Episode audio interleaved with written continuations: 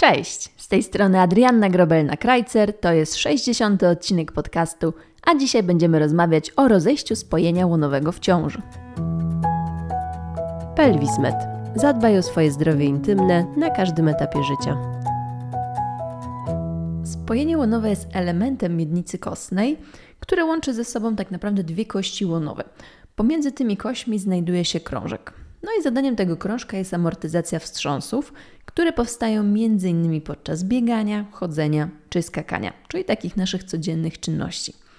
Jeśli chcesz odnaleźć spojenie łonowe, no bo nie wiesz, gdzie ono się znajduje, to najprościej będzie, jeżeli powoli dotkniesz okolicy pępka i zejdziesz, czyli zsuniesz swoje palce w dół.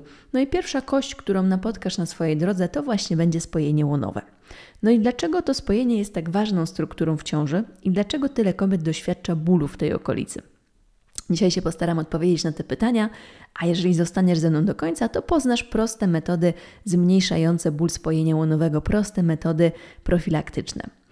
Miednica kostna, bo od tego musimy sobie zacząć, ma jakąś swoją niewielką ruchomość, która jest potrzebna, żeby mogła zwiększyć swój rozmiar przed porodem, no i umożliwić kobiecie w konsekwencji poród drogami natury. Ten ruch otwierania miednicy zachodzi właśnie głównie w spojeniu łonowym. No i kości łonowe powinny się delikatnie rozejść w okolicy 36-38 tygodnia ciąży, czyli tak jak sama wiesz, naprawdę przed samym porodem. No i zapytasz, co to znaczy delikatnie, nie? bo to takie bardzo szerokie pojęcie. Norma mówi nam o 1 cm rozejścia, ale niektóre źródła, niektóre pozycje literaturze podają nawet 1,5 cm rozejścia. No i możesz sobie pomyśleć, jak tak naprawdę u licha możliwe jest, że taka ciasna struktura, jak właśnie nasza miednica kostna, może rozejść się aż o 10 mm. Ciało kobiety w ciąży podlega wielu zmianom, wielu adaptacjom, między innymi właśnie hormonalnym. No i za sprawą hormonów, tutaj głównie relaksyna i elastyna na pierwszy plan wychodzą, dochodzi do rozluźnienia więzadeł okolicy spojenia łonowego. I my tutaj mówimy o dwóch głównych więzadłach: więzadle łonowym górnym i łonowym łukowatym. Jeżeli jesteś ciekawa, możesz sobie zerknąć, jak to wygląda w atlasie anatomicznym. No i kiedy mamy do czynienia z rozejściem spojenia, nie zawsze tak naprawdę jest to stan chorobowy, ale czasami jest to tak naprawdę zapalenie właśnie okolicy tych więzadeł. I wtedy na przykład kobieta nie będzie czuła bólu w codziennych czynnościach, ale pojawia się taka tkliwość w trakcie dotyku spojenia, czyli właśnie drażnienia tych więzadeł. I jeżeli wspomniane więzadła się rozluźniają, kości zyskują po prostu opcję ruchu. No i tego ruchu czasami staje, robi się po prostu za dużo. No i tutaj mowa już o takim patologicznym rozejściu spojenia łonowego, czyli takim powyżej właśnie, tak jak mówiłyśmy, 1,5 cm. No i to jest dogliwość, dolegliwość, naprawdę taka wybitnie upierdliwa, ponieważ na pewnym etapie ciąży ona może utrudniać codzienne funkcjonowanie. Ten ból spojeniu pojawia się, kiedy spacerujesz, kiedy wchodzisz po schodach, nie wiem, ubierasz buty albo spodnie, ubierasz bieliznę, rajstopy. Bardzo charakterystyczne jest właśnie odczucie bólu w trakcie zmiany pozycji w łóżku. Pacjentki mówią, że nie są w stanie przekręcić się już na jakimś etapie z boku na bok w łóżku w trakcie snu. Mają problem z podniesieniem się z pozycji siedzącej do stojącej z krzesła. A najgorszym ruchem opisywanym przez kobiety jest właśnie stanie na jednej nodze. No i jak tak sobie pomyślimy, mogłoby się wydawać, że w sumie to jest no, prosta sprawa. No, ciężarna nie musi przecież stać na jednej nodze, nie musi ćwiczyć na jednej nodze. E, ćwiczeń jest dużo, jest pełen wybór, jeżeli chodzi o trening. Wywalamy stanie na jednej nodze, no i po problemie. No ale niestety to tak hop nie jest, bo stanie na jednej nodze, jak tak sobie teraz pomyślisz, ono pojawia się w trakcie na przykład wchodzenia po schodach, wchodzenia na krawężnik, nie wiem, wsiadania do autobusu, tak? wsiadania do wyższego samochodu. No i jeżeli nawet przeanalizujemy zwykły chód, no to pojawia się element właśnie stania na jednej nodze. Pojawia się problem, tak? no bo tego stania na jednej nodze nie jesteśmy w stanie do końca wyeliminować. I część kobiet, która doświadcza bólu spojenia, to jest taki ból ostry, nie jest w stanie podnieść się z łóżka. Po prostu mówią, że te, te pozycje wstawania są już dla nich niemożliwe, one już tylko leżą, one już tylko odpoczywają, w ogóle nie mają chęci podnoszenia się z łóżka, proszą partnera, żeby mógł je podnieść. No tutaj sytuacja naprawdę dramatyczna. No i może zastanawiasz się, dlaczego niektóre kobiety takiego bólu doświadczają, a inne szczęściary, no pewnie masz jakieś koleżanki w ciąży i one czegoś takiego ci nie zgłaszały, nie, nie wspominały, no nie są na to narażone. Oczywiście mamy pewne czynniki predysponujące do występowania tego rozejścia spojenia, no i to będą innymi właśnie doświadczenia urazów w okolicy miednicy. I tutaj może to być uraz, dajmy na to, uczyłaś się jeździć na snowboardzie, kto się uczył, ten pamięta, że ta kość ogonowa nasza jest bardzo mocno obijana w trakcie tych początkowych lekcji. To może być jakiś uraz miednicy, na przykład złamanie miednicy w wieku nastoletnim w trakcie wypadku samochodowego, w trakcie wypadku komunikacyjnego. Czyli tutaj nie mówimy tylko o urazie miednicy w ciąży, ale tak naprawdę na przestrzeni lat. Kolejnym czynnikiem będzie nieprawidłowa postawa ciała. I tutaj mowa przede wszystkim o takim dużym przodopochyleniu miednicy. I przodopochylenie to jest takie ustawienie Twojej miednicy. Jak sobie staniesz bokiem i popatrzysz w lustro, w lustro, to zobaczysz, że spojenie łonowe pochyla się delikatnie w przód. Tutaj mowa właśnie o przodopochyleniu. Jeżeli pójdziemy sobie dalej, y, na pewno większą szansę na rozwinięcie bólu spojenia będą miały kobiety, u których doszło do znacznego przyrostu masy ciała w ciąży, albo u których na przykład mamy duże dziecko, mamy wielowodzie, też tutaj problem może się okazać większy. Może być problematyczna praca fizyczna polegająca na dźwiganiu ciężkich przedmiotów, nie wiem, jakieś kartony w ciąży, praca na magazynie. Y, problemem może być trening siłowy, ale nie mówię, że trening siłowy jest zły. Mówimy tutaj o treningu siłowym, który jest wykonany bez odpowiedniej techniki wykonywania ćwiczenia, tak? Czyli kobieta nie zwraca specjalnie uwagi na technikę treningu ale też tutaj e, kobieta, pacjentka masza może mieć po prostu skłonność genetyczną, na przykład do słabej jakościowo tkanki łącznej, która tworzy w konsekwencji m.in. więzadła spojenia łonowego. Kolejnym takim czynnikiem predysponującym może być nieprawidłowe napięcie tkanek miękkich w obszarze miednicy, czyli np. mięśni, właśnie ścięgien, więzadeł. No i wiemy już, jakie dolegliwości daje e, rozejście spojenia łonowego.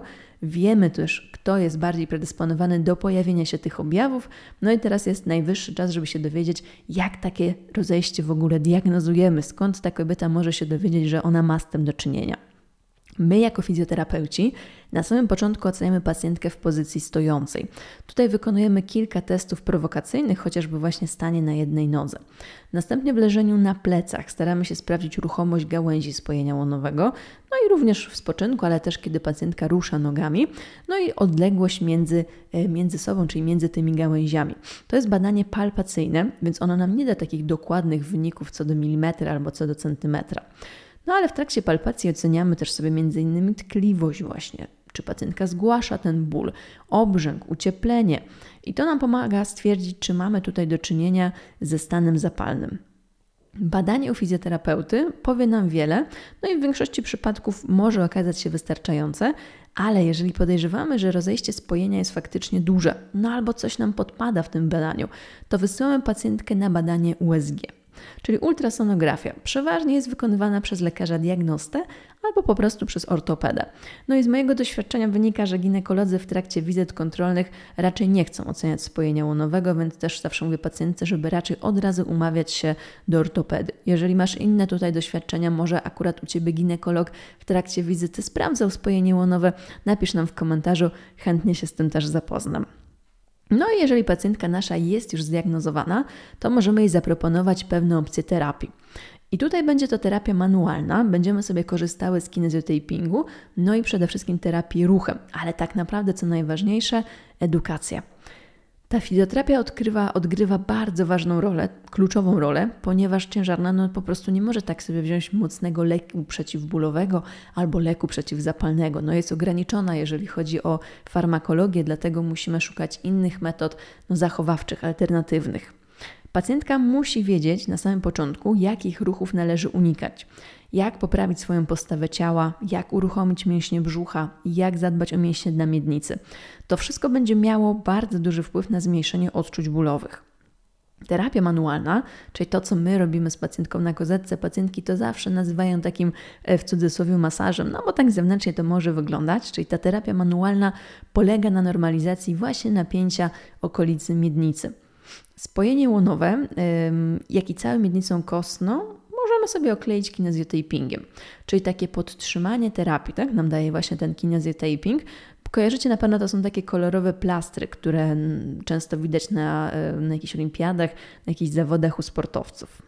Tutaj też bardzo ważny będzie dobór odpowiednich ćwiczeń, czyli ruch. wzmacnianie mięśni pośladkowych, wzmacnianie przywodzicieli uda, no ale oczywiście też wspomniane już mięśnie na miednicy. Dobrą opcją może dla takiej kobiety okazać się basen, czyli pływanie. No bo woda to jest jednak środowisko wyporu, nie czuć tego ciężaru, nie czuć tego ciężaru brzucha i kobieta jest w stanie po prostu we własnych zakresach ruchu poruszać się bezbólowo. W skrajnych wypadkach konieczne może być zastosowanie pasa stabilizacyjnego. To jest taki pas, który chwyta miednicę i nie pozwala jej na ruchy właśnie między gałęziami spojenia. I kobiety stosują go w trakcie obowiązków domowych, chodzenia, opieki nad starszym dzieckiem, no i tak dalej. Ale raczej zalecamy odpoczywać już bez tego pasa. No i faktycznie zalecamy go jako ostatni element terapii, kiedy ta nasza terapia zachowawcza, fizjoterapia wyczerpała się i nie przynosi zadowalającego efektu. Niestety też trzeba przyznać, że pacjentki w większości wypadków, no bo nie możemy mówić o wszystkich, ale w większości wypadków reagują na ból zbyt późno. Bagatelizują tak naprawdę te pierwsze objawy bólowe, no zrzucając je po prostu na ciążę. I dużo pacjentek mówi, no w końcu jestem w ciąży, no to przecież coś mnie tam boleć musi. Ale w sumie no ja też się nie dziwię, y, że jest taka reakcja pacjentek, ponieważ no, lekarze sami wysyłają też taki przekaz pacjentkom, i przeważnie pacjentki, z którymi mamy do czynienia w gabinecie, to są kobiety, które już po prostu nie są w stanie chodzić. Bardzo często asekurowane, wprowadzane do gabinetu przez partnera.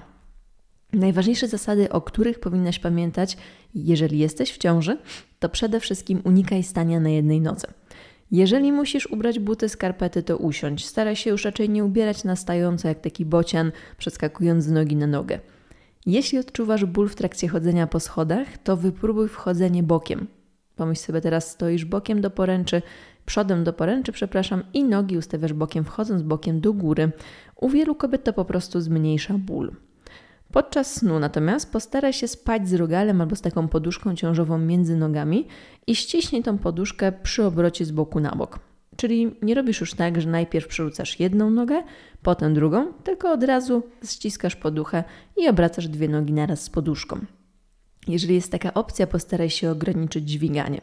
No i oczywiście nie zawsze jest to możliwe, szczególnie kiedy masz starsze dziecko w domu do opieki, więc jeśli musisz dźwigać, no to zadbaj o tę ergonomię swojego ciała, czyli przede wszystkim zejdź nisko na nogach do ciężaru, czyli w naszym wypadku tutaj załóżmy do dziecka, trzymaj ciężar blisko ciała i w trakcie dźwignięcia postaraj się wykonać wydech. Tu zapamiętaj wydech.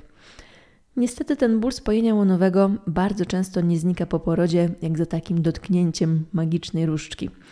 Miednica no, otwierała się przez 9 miesięcy, więc ona nie zejdzie się do stanu sprzed zajścia w ciążę od razu po połogu, od razu po porodzie.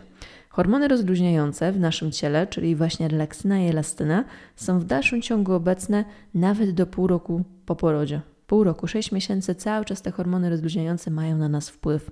No i przede wszystkim mają wpływ w naszym wypadku dzisiejszego odcinka na spojenie łonowe.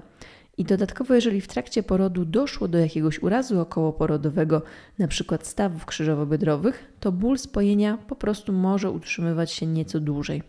I tutaj oczywiście również po porodzie możesz odwiedzić fizjoterapeutę, natomiast kluczowe będzie na pewno wzmocnienie mięśni brzucha, ocena, no a potem aktywacja właśnie mięśni dla miednicy.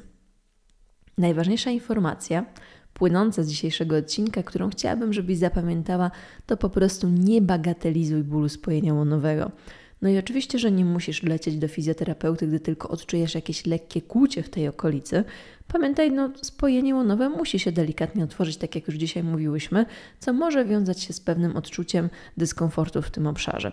Ale jeżeli widzisz, że ten ból zaczyna Ci ograniczać gdzieś tam czynności codzienne, zaczyna modyfikować ten Twój styl życia i po prostu zaczyna Ci przeszkadzać, to nie zwlekaj, naprawdę nie zwlekaj z umówieniem wizyty. I tyle na dzisiaj, moi drodzy. Mam nadzieję, że znowu jesteście bogatsi o jakiś tam kawałeczek wiedzy, tym razem wiedzy ciążowej. Jeżeli dotarłeś, dotarłeś ze mną do tego momentu w podcaście, wierzę, że ten odcinek był dla Ciebie wartościowy, że coś z niego wyciągnęłaś i będzie mi bardzo miło, jeżeli podzielisz się nim na swoich social mediach. To dla mnie jest zawsze największa nagroda, kiedy widzę, że korzystacie, ale przede wszystkim kiedy dzielicie się tą wiedzą, chociażby z innymi koleżankami w ciąży. Jak zawsze zapraszam Was serdecznie na mojego bloga Fizjoterapia na Szpilkach, również na Instagrama pelvis.com i także na stronę naszego gabinetu pelvis.com, gdzie znajdziecie wszystkie dane kontaktowe. Jeżeli widzisz już taką potrzebę, żeby działać ze spojeniem łonowym, żeby zmniejszyć ból miednicy w ciąży, to zapraszam Cię serdecznie. Nasze fizjoterapeutki z wielką chęcią służą pomocą. Jeszcze raz dziękuję serdecznie i do usłyszenia w kolejnym odcinku podcastu.